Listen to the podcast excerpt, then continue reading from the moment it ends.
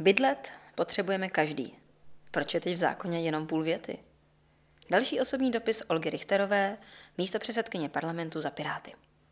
Je to klasický rozpor mezi řečí zákonů a skutečností. Bydlení a pomoc s ním náš právní řád hází na hrb obcím. My ho v Česku nicméně, myslím, v dnešní době vnímáme jako svého druhu osobní boj, nebo smůlu, či naopak výhru v loterii. Prostě záležitost každé jednotlivé rodiny. Přímo v zákoně o obcích činí popis jejich role v bydlení půl věty. Mají dbát na uspokojování potřeby bydlení svých občanů. Byty jsou přitom u nás dlouhodobě mezi nejdražšími v Evropě. A situace v bydlení často předurčuje i to, kolik si rodina pořídí dětí. Realizace bezpečné možnosti pronajmout třeba vlastní malý byt přes obec a sami se na tu dobu, eh, kdy jsou děti malé, kdy bydlí s rodiči, za doplacení samozřejmě jistého rozdílu přestěhovat do většího, ideálně do obecního, eh, a mít děti právě eh, po tuhle, po tuhle omezenou dobu v tom větším bytě. Tohle je třeba vize, kterou u nás, pokud vím, zatím nikdo neorganizuje. Přitom by to bylo v zájmu celé společnosti. Ať má každý opravdu tolik dětí, kolik si přeje, a s tím, vedle mnoha a mnoha dalších věcí, pomůže zákon o podpoře v bydlení. Je to věc, na které pracuji sama osobně přes čtyři roky, ale samozřejmě jsem v týmu. Jen tehdy, eh, v tom roce 2019, jsem se velmi niterně naštvala. Po dvou letech ve sněmovně mi totiž naplno došlo, že tehdejší vláda v bydlení neudělá vůbec nic systémového. Schůzky na Ministerstvu pro místní rozvoj tehdy byly prostě přehlídka marnosti. A vláda zákon k bydlení, tedy něco systémovějšího, v tom roce 2019 ani neměla v legislativním plánu. Jen ho prostě odsouvala eh, jako výhled, vizi na konec svého období. Což znamená neprojednání a nepřijetí. Zkrátka čistá nula.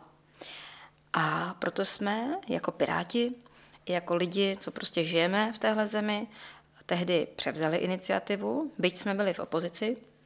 Já jsem začala eh, na možném zákoně o bydlení intenzivně spolupracovat se spoustou dalších odborníků a srdcařů. Bylo to úplně stejně jako s kojeňáky. Sama bych nezvládla pojmout tak komplexní věc.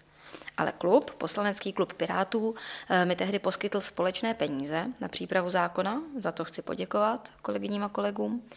A také spousta odborníků i nadšenců poskytla svůj čas a samozřejmě své znalosti. Eh, mé nadšení mohlo pomoci s tím, abychom započali, ale zároveň eh, jsme velice záhy zjistili, že pokud chceme zásadně zlepšit bytovou situaci v České republice, musí být jednotlivé změny na všech úrovních toho systému bydlení vnitřně provázané. Že to je vlastně velice komplexní záležitost. Proč? Protože nejde jen o ten zákon, ale i o investice do výstavby bytů, o podporu obcí při přípravě projektů. Všechno to jsou spojené nádoby. A stejně tak vlastně u nás plně nefunguje úprava vyrovnaných nájemních vztahů, zájmu jak pro najímatelů, tak nájemníků. A samozřejmě ani úprava spolkového a družstevního bydlení. Proč to takhle popisuju? Potřebujeme totiž řešit všechny tyto cihličky. Nejenom zákon, který pomůže s částí potíží, ale i e, ty související tematicky e, provázané věci. V pondělí 28. srpna prostatu věci představil Ivan Bartoš a jeho tým e, na společném kulatém stole ve sněmovně. Měla jsem z toho obrovskou radost. Cílem je totiž prevence pádu do průšvihu, pomoc v běžné životní situaci. Eh, jenom se podívejme na to, jak rozdílné jsou ty bytové potřeby rodin s dětmi, jak jsem vzpomínala na začátku tohoto dopisu, a seniorů. A dalším cílem je zkrátka celková eliminace bytové nouze v naší zemi a postupné snížení obchodu s chudobou. Fakt není dobré, kolik peněz vyplácíme za nekvalitní komůrky. Tohle všechno jsme navrhli podle osvědčených modelů které už fungují na různých místech Česka a zakotvujeme tam finanční podporu obcí, protože ve finále stejně ulehčí státu v celkových nákladech jinde. Jak třeba děti v dětských domovech, tak lidé utíkající z domácnosti, kde je domácí násilí, anebo seniori na ubytovnách eh, se zdravotními potížemi. Totiž dnes, kromě toho, že sami mají trápení, také stojí státní rozpočet víc, než je nutné. To jasně ukázala naše analýza. Takže jim pomůžeme a státu ušetříme skrze včasnou podporu v bydlení.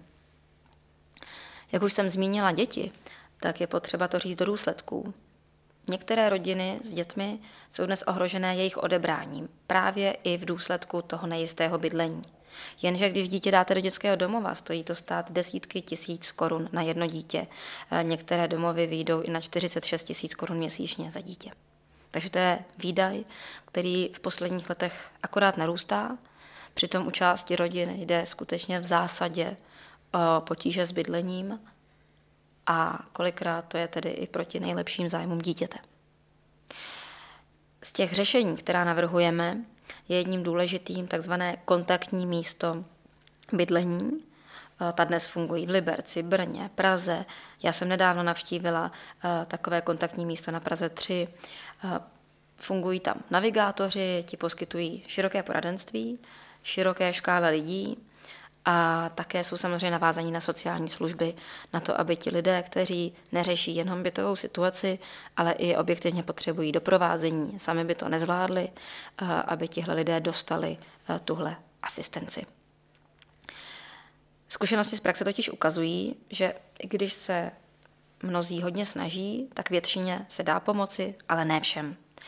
Proto musí to určité nadšení které je pro takovou práci potřebné a i já jsem ho zmínila, že s nadšením jsem do toho celého před několika lety šla, skorigovat reálná zkušenost. Zkrátka, nám všem pracujícím na zákoně o podpoře v bydlení se při těch letech práce, při analýze různých situací, různých druhů podpor, pobídek eh, i na statistikách stahujících se na tisíce bytů ukázalo, že právě taková vyváženost práv a povinností si žádá jasný zákonný rámec, že musí být poměrně přísná sankce při porušení běžných pravidel, například sousedského soužití, a že musí být různé druhy pobídek k zapojení pro obce i soukromníky. Zajímá vás víc? Zákon o podpoře v bydlení přehledně na odkazu v písemné verzi mailu, najdete to mimo jiné na webu olgarichterová.cz, schrnují prezentace z tohoto pondělí 22. srpna. Uvidíte tam celkový systém, jeho přínosy i náklady. Teď už zbývá jen, jak se k tomu postaví celá vláda. Námi Piráty, vedené Ministerstvo pro místní rozvoj, kde je hlavou Ivan Bartoš, nicméně svůj díl splnilo. A velké poděkování patří i Ministerstvu práce sociálních věcí, které podrobně spolupracovalo právě na sociálních aspektech toho zákona.